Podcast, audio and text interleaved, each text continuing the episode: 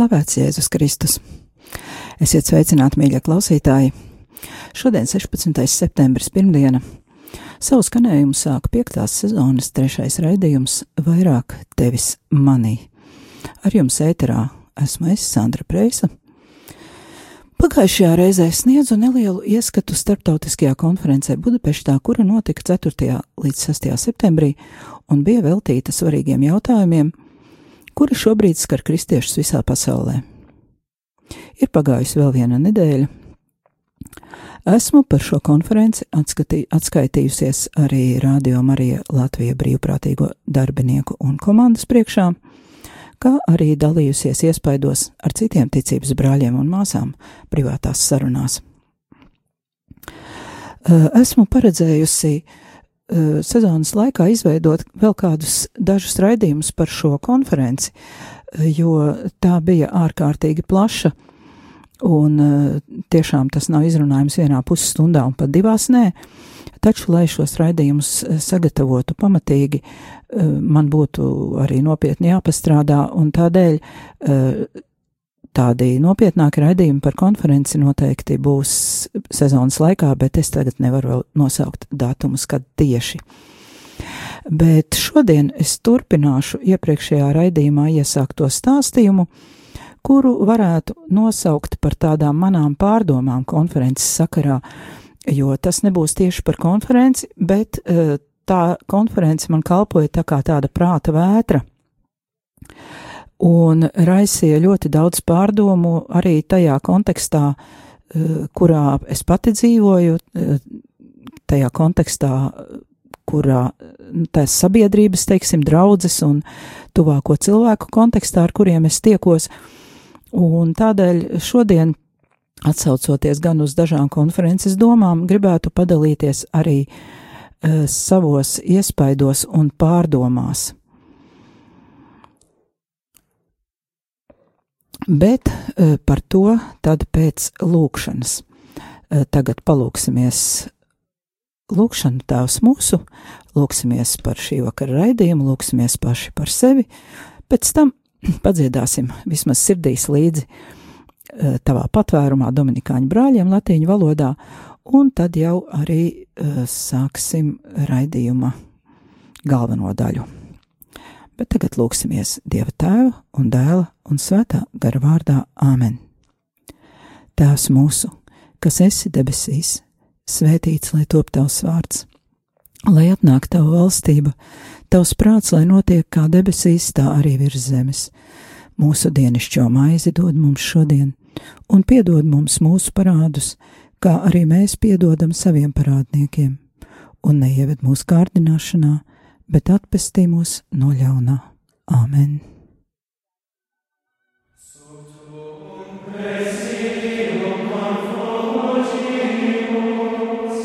Santa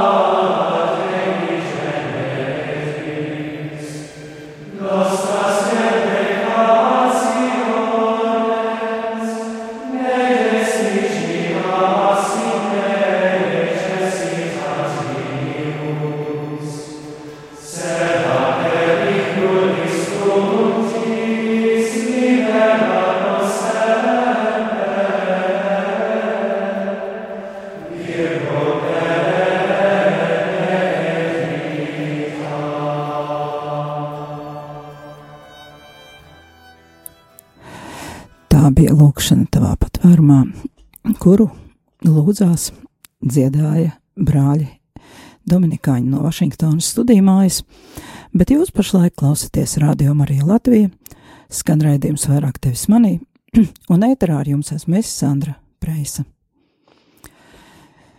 Kā jau raidījuma ievadā minēju, šodien vēl nedaudz pastāstīšu par starptautisko konferenci, precīzāk par iespaidiem tajā. Eh, un par iespaidiem, eh, kuri mani rosināja uz pārdomām, un arī varbūt es patiesībā šīs pārdomas es gribu dalīties tajās tāpēc, eh, ka arī es priecātos, ja arī jūs pārdomātu šīs tēmas un varbūt arī pieņemtu kādus lēmumus un kaut ko ne tikai domātu, bet arī mēģinātu darīt savā tuvākajā apkārtnē. Eh, tātad konferences nosaukums latviski, eh, vismaz portālā katolis bija pārtūkots kristietība vieno. Un šī konference tātad notika Budapeštā, un es piedalījos tajā tikai kā klausītāja. Eh, bet tur bija lektori ar ārkārtīgi interesantām un aktuālām tēmām. Un kāpēc es izlēmu šovakar šīs te pārdomas? Eh, pagājušā pirmdienā es jau jums nedaudz stāstīju, bet uh, arī ar citiem cilvēkiem esmu runājis šīs nedēļas laikā un sapratu, ka uh, ir jā, mums savā starpā kristiešiem ir jādalās iespaidos, jādalās savos stāstos, un jārunā šīs sarunas ir jārisina daudz dziļāk, ka tās nedrīkstētu būt tādas virspusējas, uh, Eh, tādas emocionāli virspusējas. Ehm, tātad konference, atgriežos atpakaļ atkal, eh, konferences tematika bija ļoti plaša, un tajā bija 55 lektori no vairāk nekā 20 valstīm. Un tāpēc arī šobrīd es necenšos atstāstīt kāda konkrēta lektora vārdus, jo tad man būtu jātaisa skripti no uh, ierakstiem angļu valodā, viss uh, precīzi jātulko, jo citādi es nevaru teikt, tas autors teica to un to, uh, ja es neizsakos precīzi. Un tādēļ es arī ne, nerunāšu citātus no šīm lekcijām, bet tikai dalīšos tādā, nu, vispārējā ideju līmenī ar jums. Uh, Bet galvenais, eh, kādēļ es vispār ar jums dalos par šo un kādēļ arī man vispār sūtīju šo konferenci. Eh, mums šeit Latvijā ir jāmācās skatīties uz savu ticību un kristietību un ar to saistītajiem jautājumiem pasaules kontekstā, un nevis tikai savas kopienas, draudzes vai ģimenes mērogā. Un pat Latvijas mērogā skatoties, eh, ja mēs neskatāmies Latviju pasaules kristietības kontekstā, un arī tā kā mēs esam Romas katoļu baznīca, mēs neesam kaut kāda noslēgta Latvijas kopiena vai Latvijas baznīca, mēs esam Romas katoļu baznīca, kura visā pasaulē ir tā pati baznīca, lai gan dažādas ir kultūras, dažādas ir valodas, tautas, tautības un, un uh, arī politiskā situācija, tomēr mēs esam viena baznīca. Tātad mums ir jāskatās pasaules kontekstā. Katoļu baznīca ir universāla. Tā nepazīst ne ģimeņu, ne tautu, ne valstu, ne vecuma vai dzimuma, vai arī kaut kādus citus ierobežojumus, bet savukārt kristietības jēdziens atver, aptver arī mūsu brāļus un māsas, kuri pieder citām baznīcām, kā piemēram ortodoksālajai pareizticīgo baznīcai vai plašajam protestantu baznīcu pulkam.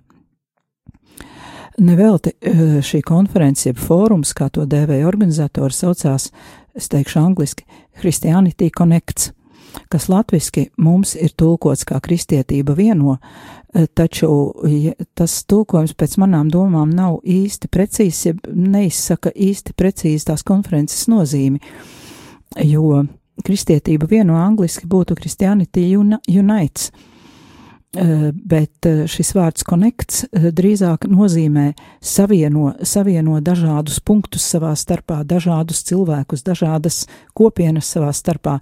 Šeit ir tas savienošanas moments, uzsvērts kontaktu veidošanas moments, un tas daudz precīzāk izsaka arī šī pasākuma būtību jo to rīkoja Ungārijas ārlietu un tirdzniecības ministrija, tātad ārlietu ministrija, kas jau tāpat ir uh, virzīta, kā saka, viņas uzdevumi ir veidot sakarus ar citām valstīm. Un lektori bija politiķi, augsta līmeņa mēdīju speciālisti, priesteri, mācītāji un bīskapi, kā arī dažādu citu profesiju pārstāvi, kuri ir sasnieguši nevien ļoti lielus panākumus savā profesijā, bet, eh, jā, man gribētos teikt, ka viņi visi kā viens bija praktizējoši kristieši, taču nē, bija viens žurnālists, kas bija praktizējošs musulmanis, kurš gan dzīvo Ungārijā, bet nu nāk no musulmaņu ģimenes. Un bija arī daži cilvēki, kas ir kultūras cilvēki, kino režisori un citi, kuri simpatizē kristietībai, bet to nepraktizē tradicionāli, tā kā mēs ejot uz baznīcu, bet viņi lūdzas privāti. Tā pašā laikā viņi tomēr eh, par savu vērtību sistēmu uzskata šo kristietības vērtību sistēmu, ar kuru ir veidojusies Eiropas kultūra. Un šie daudzie cilvēki bija saicināti kopā patiešām tāpēc, lai veidotu kontaktus, lai iepazītos savā starpā, lai iepazītos ar klausītājiem, jo klausītāju vidū bija daudz žurnālistu, bija arī priesteri, bīskapi un dažādu kopienu pārstāvji un arī mediju pārstāvji, kuri nav žurnālisti, eh, lai apmainītos ar informāciju un viedokļiem, taču bija arī vēl daudz dziļāks mērķis.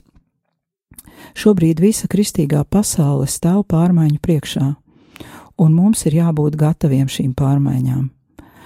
Mums ir jābūt gataviem, lai izturētu savā ticībā, lai spētu savu ticību saglabāt un nodot to tālāk saviem bērniem. Līdzīgi kā tas notika arī pie komunistu varas. Faktiski ir jānomet no acīm rozā brilles un pavisam loģiski un ar skaidru prātu ir jādomā par stratēģiju, ar kuras palīdzību kristieši varētu izdzīvot, saglabājot un piekopjot savu ticību un vērtību sistēmu, neskatoties uz to, kas notiek apkārt.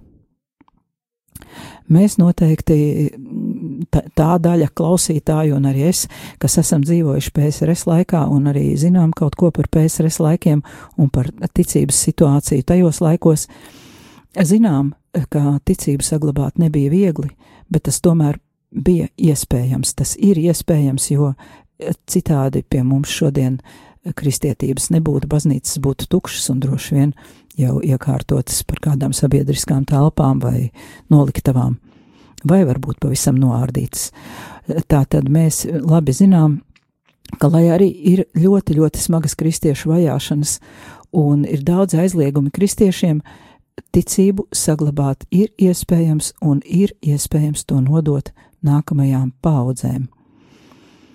Un šobrīd mēs varbūt to mazāk šeit Latvijā vēl jūtam, bet pasaulē arvien spēcīgāk ir jūtams karojošā ateisma un karojošā sekulārisma spiediens, un mēs nedrīkstam izlikties, ka mēs to neredzam un nezinām, vai ka tas pāries pats no sevis, tā kā bērnu infekcija, kā piemēram vējbakas. Nesen lasīju kādā amerikāņu ziņu portālā, kā piemēram Amerikā Demokrātu partija nopietni ir pieņēmusi rezolūciju, kurā viņi kritizē reliģiozos amerikāņus, atsaucas uz reliģiskās brīvības prasībām kā diskriminējošām, respektīvi uh, ir parādījusies uh, jau publiski doma, ka reliģijas brīvība diskriminē cilvēkus, citus cilvēkus, uh, un eh, ko tas, kādas var būt sekas, ja šī doma tiks domāta tālāk.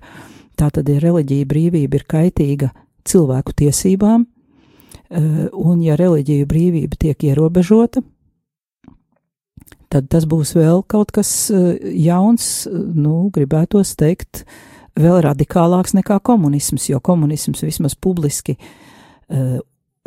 teica, vismaz teica, runāja. Tā nebija, protams, kā Padomi Savienībā ir reliģija brīvība.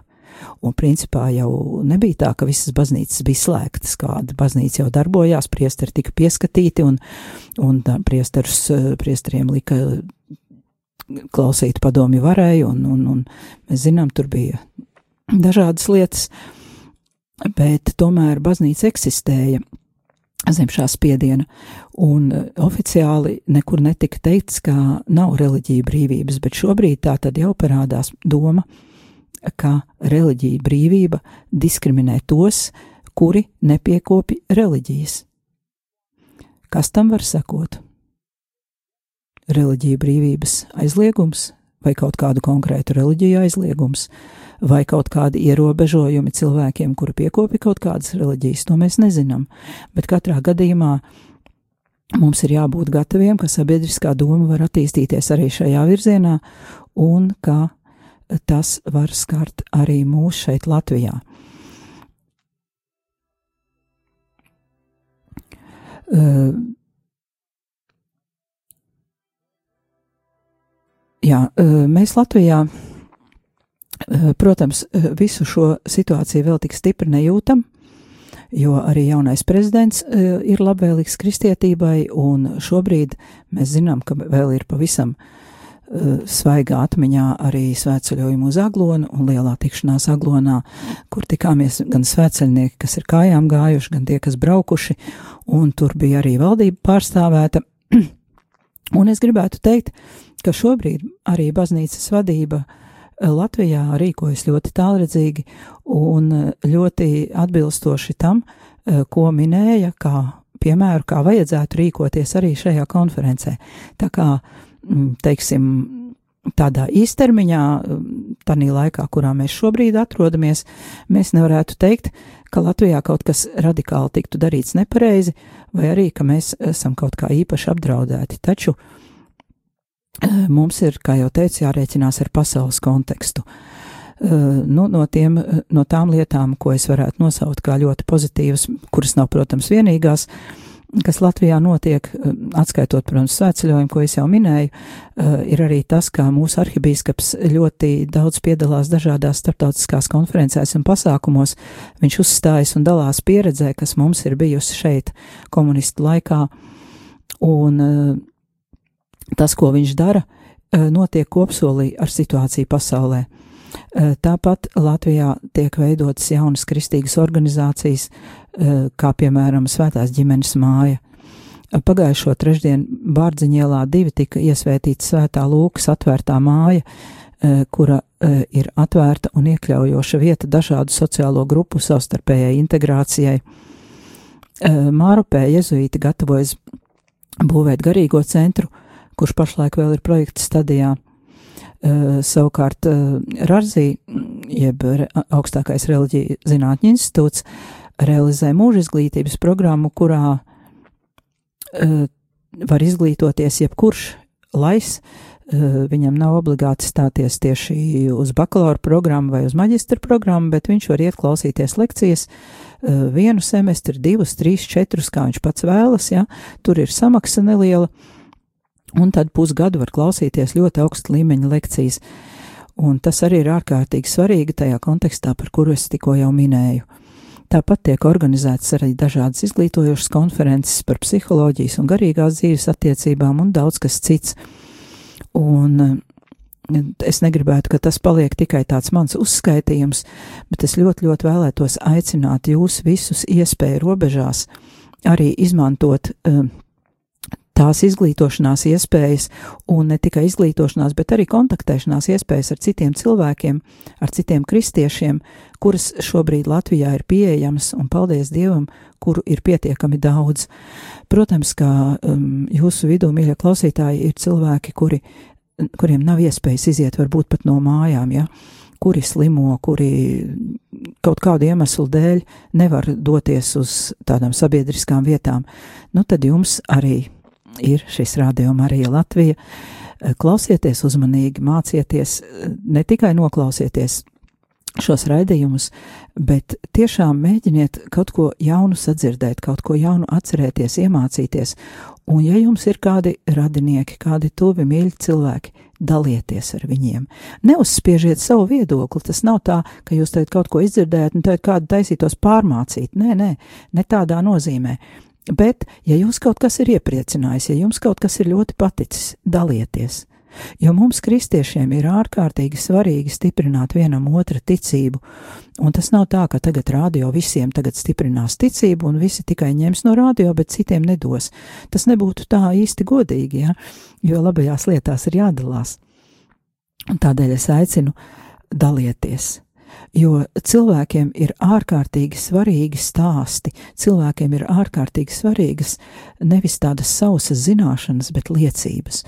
Un, ja jūs spējat liecināt, vienalga vai tie ir jūsu bērni, mazbērni, kaimiņi, draugi, paziņas, vai es nezinu, kāds cilvēks rindā pie ārsta pat eh, vai kaut kur citur, dalieties, dalieties, stāstiet, stāstiet par to labo, ko jūs esat dzirdējuši, par to labo, ko jūs esat iemācījušies, par to labo, ko jūs esat piedzīvojuši, lai cilvēki nostiprinās labajā, lai cilvēki nostiprinās ticībā, lai cilvēki nostiprinās vērtībās, jo šajos juku laikos, kuri jau daļēji ir, un, nu, būsim realisti, nekas jau īpaši nemainīsies vairs uz otru pusi, jā, sabiedrība tomēr attīstās strauji un attīstās virzienā prom no kristietības, diemžēl, tā tad uh, mums ir jābūt tiem, kas liecina. Un es uz to arī jūs ļoti, ļoti aicinu.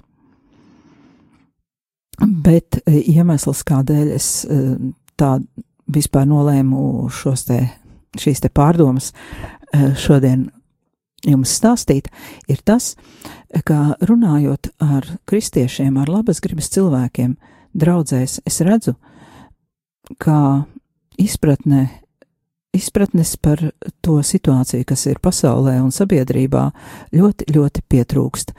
Mēs dzīvojam tādā tā kā burbulī, mums liekas, ka mēs, mēs ļoti bieži neredzam tālāk par savu ģimeni, par savu draugu, par kopienu, par kaut kādiem pavisam, pavisam tuvākiem cilvēkiem.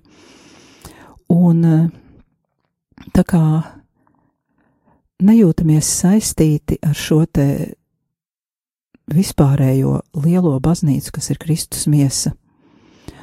Es redzu tādu pārprastu, mm, bērnišķīgu domāšanas veidu tieši laju vidū Un uh, man liekas, ka uh, ir, viens, ir viena vietiņa Bībelē, kur ir ļoti, ļoti pārprasta. Jo Kristus ir teicis, eh, topiet kā bērni, ja? Uh, mums ir jābūt kā bērniem, protams, ja Kristus tā ir teicis, bet viņš nekad nav teicis to, ka mums ir jābūt kā maziem bērniem. Ar to es gribu teikt, ka bērn, būt bērnam nenozīmē būt naiviem muļķīšiem, kā bieži, diemžēl, uh, tiek skaidrota šī rakstu vieta. E, tomēr šis skaidrojums ir kļuvis tik populārs, ka kristieši ir sagandējuši e, visu savu izpratni par kristīgo formāciju un dievbērnību. Daudzi labas gribas cilvēki mūsu draudzēs baidās pieaugt, baidās e, kļūt nopietni domājoši, realistiski un gatavi darbībai Kristus vārdā un Kristus dēļ, tā kā, piemēram, senos laikos bruņinieki kuri nosargāja Eiropu kaujās pret Osmaņu impēriju.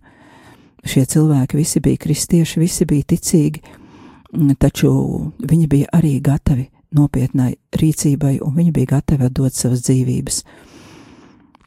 Bet mūsu vidē ļoti bieži dievbijība tiek izprasta kā bērnišķība, kā pasivitāte, bet paļāvība uz Dievu tiek saprasta tā, it kā Dievam viss būtu jādara pašam mūsu vietā, bez cilvēku līdzdalības.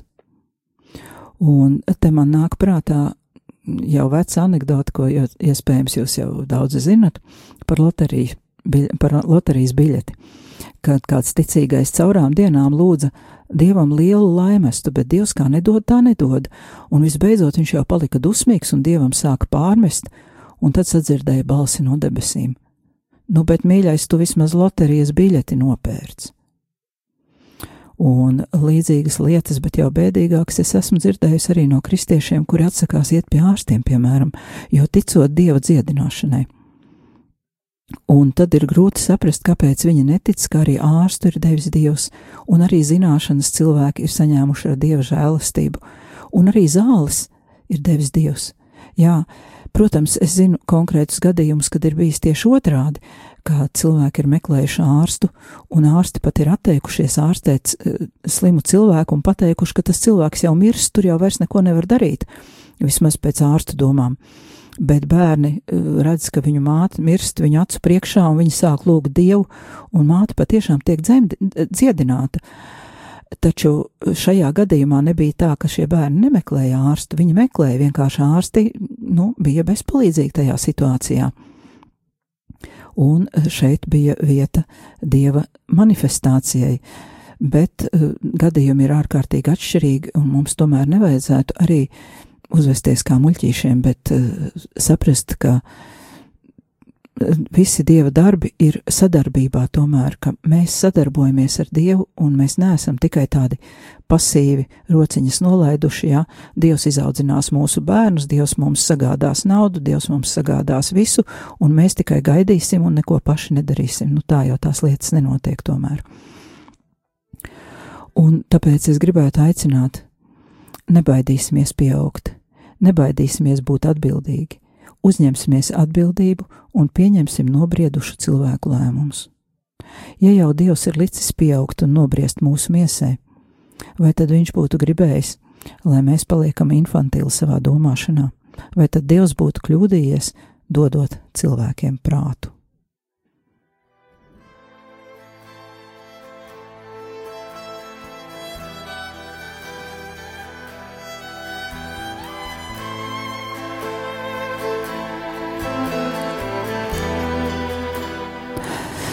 Jā, tas, protams, bija retorisks jautājums, kurš ietver sevi arī atbildi. Nu, nav jau Dievs kļūdījies. Ja baznīcē nebūtu dižu domātāju, cilvēku ar milzīgām prāta dāvanām, tad diez vai kristietība vispār būtu izdzīvojusi dažādajos juku laikos.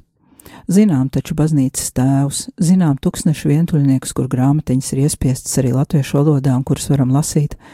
Mēs pazīstam slavenos dominikāņus Albertu Lielo un Akvīnu Stomu, un vēl neskaitāmus cilvēkus, kuri ar savu prāta devumu ir spējuši formulēt vārdos baznīcas mācību, aprakstīt savas attiecības ar Dievu un nodot šo pieredzi nākamajām paudzēm. Ko tad mēs varam secināt nu pat teiktā kontekstā? Ka bērni, arī pieaugušie bērni, kuri ir izstudējuši un sasnieguši panākumus dzīvē un darbā, joprojām paliek bērni saviem vecākiem. Un te ir arī atslēga uz šo Jēzus aicinājumu būt bērniem. Visi tikko minētie cilvēki, kuri ļoti nopietni bija lietojuši savas prāta spējas un bija pilnībā pieauguši un nobrieduši, taču ir Dieva bērni, par kuriem Jēzus teica: Patiesi es jums saku, ja jūs neatgriežaties un netopat kā bērni, tad jūs nenāksiet debesu valstībā. Tāpēc tas, kas pats pazemojas kā šis bērns, tas ir lielākais debesu valstībā un kas uzņem tādu bērnu manā vārdā, tas uzņem mani. Mateja evaņģēlijas 18, 3 līdz 5. Jā, tā tad tapt par bērniem un šī te pazemošanās, par ko mēs jau arī esam kādreiz runājuši, mm, tas jau nenozīmē kaut kādu pašpazemošanās vai pataisīšanās par muļķīšiem. Pazemošanās tas nozīmē arī pieņemt to, ka mēs esam bērni un ka pār mums ir tēvs, tēvs, kas ir augstāks par mums, un pieņemt pazemībā viņa gudrību, viņa vadību un viņa likumus un vērtību sistēmu, ko viņš mums ir devis. Tā ir šī pazemošanās, ko Jēzus no mums prasa. Tā ir pazemošanās, kura liek mums atteikties no savām iegribām, no savām iedomām, no savas dominances, no vēlēšanās uzspiest kaut kādu pašizdomātu vērtību sistēmu vai pašizdomātas lietas citiem bet gan pieņemt šo ģimenes vadību, tēva noteiktos likumus un šo tēva ģimeni un būt par bērniem.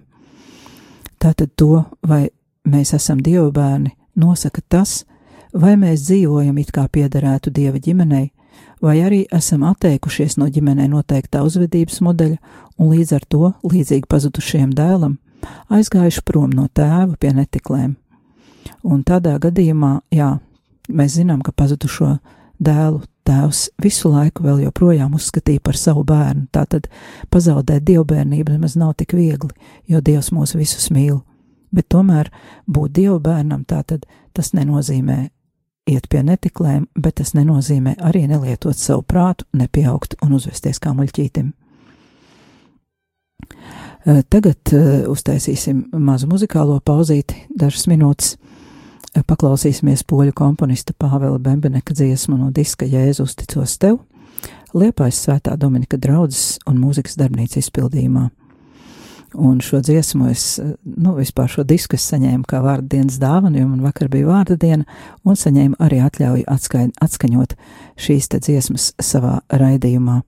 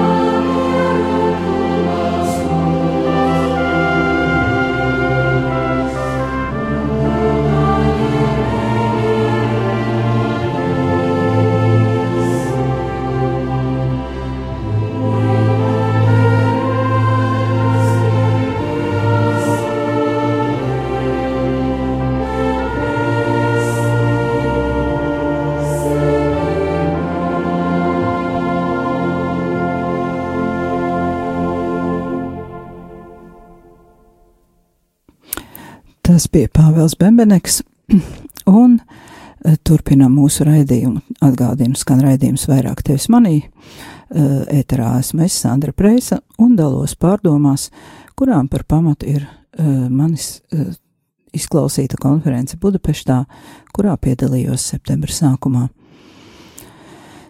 Kā jau minēju, pasaule šobrīd atrodas lielu pārmaiņu priekšā, Un tas ir arī faktiski manu pārdomu iemesls un iemesls tam, kādēļ es ar šīm pārdomām šobrīd dalos.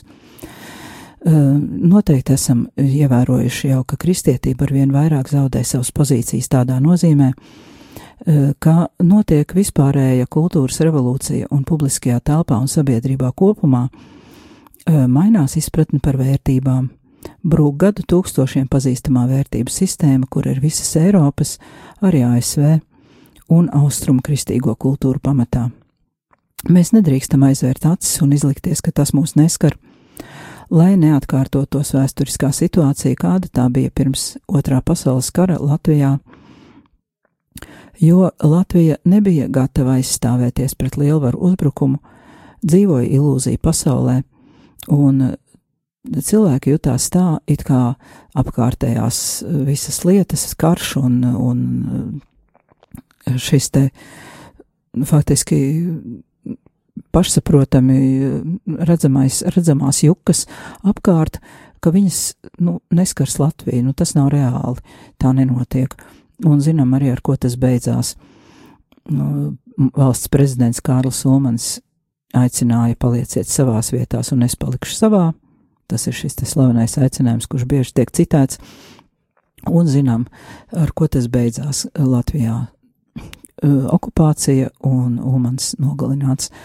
Savukārt mazā Somija, kur cīnījās pretī, kuri bija gatavi, kuri bija gatavi drīzāk mirt nekā dot savu valsti un savu neatkarību, šo neatkarību tomēr izcīnīja, lai gan zaudēja daļu no teritorijas, tomēr viņi pretojās un viņi netika pilnībā okupēti, atšķirībā no Latvijas. Lūk, tā, tāda ir mūsu skumjā vēstures mācība, un tādēļ mums ir jābūt gudrākiem šodien, un ja mēs vēlamies saglabāt savu seju, savu kultūru, sa, to, savas vērtības, kuras balstās uh, kristietībā, mums ir jābūt gataviem nu, varbūt ne ar ieročiem rokās, tieši ar šaujam ieročiem rokās aizstāvēties, bet mums ir jābūt gataviem pašiem stipriem, lai mūs nevarētu viegli salauzt. Un par šīm te izmaiņām pasaulē, protams, ir daudz un dažādi viedokļi un hipotēzes. Jau triz, pirms 30 gadiem reliģijas sociologi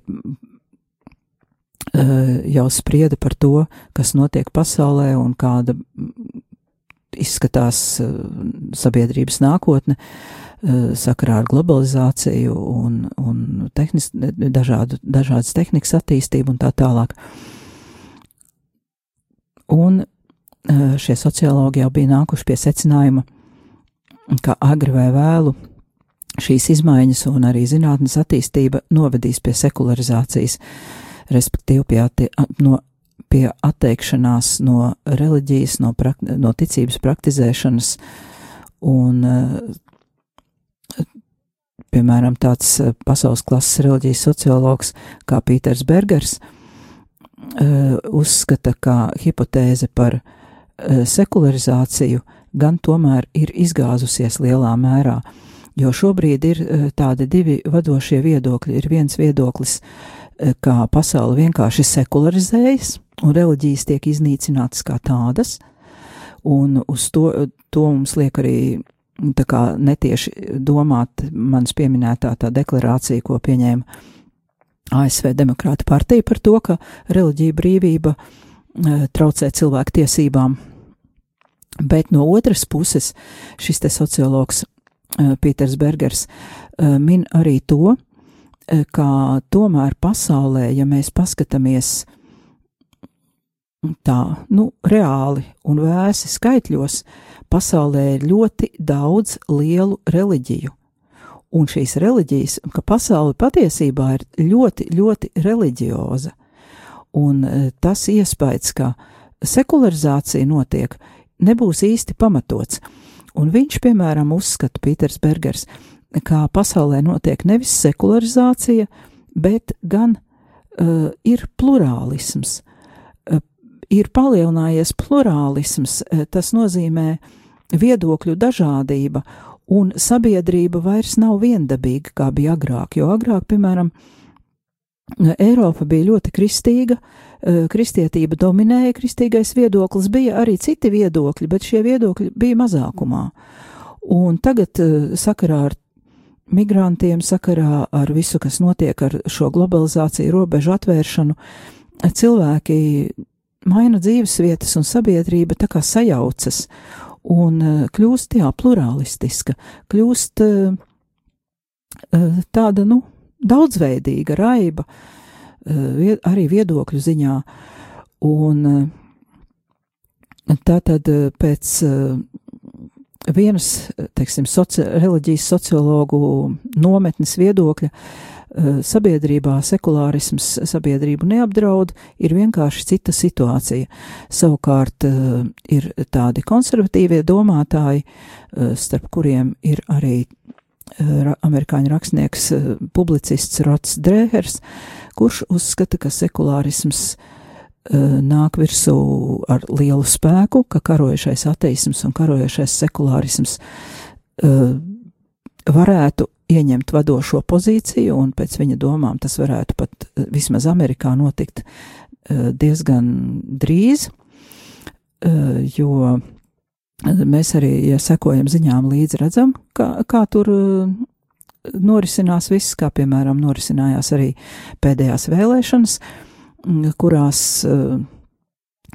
tai partijai, kura neuzvarēja demokrāti, bija diezgan tāda reliģijai naidīga programma. Savukārt Trumps, kur ievēlēja viņa, viņa pusē, tātad tie, starp tiem cilvēkiem, kas balsoja, 81% bija protestantu kristieši, jo būtībā, kā arī Rods Drejers atzīmē, nu viņš pats ir amerikānis un viņš ir šo situāciju pētījis, tā kā viņš acīm redzot to nav galīgi izdomājis, viņš saka, ka Trumpu vēlēja kristieši cerībā, ka Trumps kaut ko varēs darīt kristiešu labā un uzlabot situāciju. Bet ka šobrīd tomēr uh, tas spiediens no otras puses ir tik liels, ka nu, var tikai palēnināt faktiski šo stāvokli, kurā kristietība zaudē pozīcijas, un nu, ir grūti prognozēt, cik tālu kristietība šīs pozīcijas zaudēs un kā, kā kristiešiem būs uh, dzīvot tajā sabiedrībā, kura pašlaik veidojas no jauna. Un tā tad eh, tas, ko dzirdēju konferencē un kas man ierosināja šovakar ar jums dalīties, ir eh, šis aicinājums nobriest, kā kristiešiem, nobriest, nebaidīties būt pieaugušiem dievu bērniem, nevis maziem eh, muļķīšiem, krūtsbērniem, zīdainīšiem, un šo savu briedumu, kā saka, audzēt pašiem sevī un dalīties ar savām zināšanām un ar savu saprašanu un ar savu piedzīvoto, tieši ar, kristiet, ar savu izdzīvoto kristietību dalīties, dalīties, dalīties ar saviem draugiem, ar saviem tuviniekiem un stiprināt, lai tajā brīdī, kad kristiešiem eh, būs tiešām aci pret aci jāstājas pārbaudījumu priekšā, mēs būtu stipri, gatavi pastāvēt savā kristī, kristīgajā ticībā eh, un nepazaudēt to, ar ko mēs esam uzauguši, ar to, ar ko mēs esam veidojušies, ar ko ir veidojusies mūsu personība, un ar to, ko mēs ticam, kas ir arī pasaulē vislielākā un skaistākā patiesība par cilvēka un dieva attiecībām. Un eh, noslēgumā gribētu vēl piebilst, ka šai konferencē bija e, jautājums arī par kristīgo ģimeni, un tas tika plaši no dažādiem viedokļiem apspriests. Tur arī Ungārijas, stāstīja, Ungārijas pārstāvis stāstīja par brīnišķīgiem pasākumiem, kas tiek veikti Ungārijā, un kuru rezultātā ir palielinājies noslēgto laulību skaits tieši baznīcās, e, par 30% ir kritusies šķiršanās un eh, palielinājusies dzimstība. Tāpat arī Brazīlijas pārstāve Angela Vidal Gandra da Silva, viņa runāja par to, kā šajā te kritiskajā situācijā, kura veidojas pasaulē, kristīgās identitātes saglabāšanai ģimenē ir vislielākā nozīme un ka tieši uh, izdzīvojot savu ticību, daloties un izdzīvojot ticību, nevis katrs uh, tā kā viena noslēgta persona, bet tieši izdzīvojot ticību ģimenē, kopīgi pārunājot, kopīgi lūdzoties un kopīgi daloties, tieši tur ir uh, mūsu ticības spēks un arī cerība nosargāt sevi, savus bērnus, savus bērnu bērnus un mūsu ticību cauri grūtajiem laikiem. Un arī šī lektore teica, ka jā, ir tagad pētījumi tādi, ka kristieši nemaz nav labāki pilsoņi nekā nekristieši, un ka arī viņi iesaistās dažādās korupcijas schēmās un uh, nemaz nav tik godīgi, kā mums gribētos domāt, bet uh, lektore uh, teica, ka tad, ja kristieši ir īsti kristieši, tad viņi ir arī labi pilsoņi. Tā kā jā, tas tiešām ir saistīts par to arī pāvests runā, eh, ka samaitātība ir eh, faktiski jau atkrišana no kristietības. Un atceramies, ka tas nenozīmē, ka mums ir jābūt absolūti bez grēka, jo bez grēka, kā zinām, ja kāds saka bez grēka, tad viņam, tad viņš nav patiess, jo arī svētie raksti saka, ka uh, cilvēks nevar būt pavisam, pavisam bez grēka. Tāds bija tikai Jēzus, bet grēcinieks var nožēlot un atgriezties, uz ko mēs esam visi aicināti.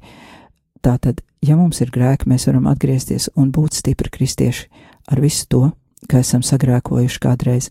Galvenais ir nekļūt samaitātiem, jeb korumpētiem. Ar to tad šovakar arī savas pārdomas beigšu, un līdz nākamajai reizei.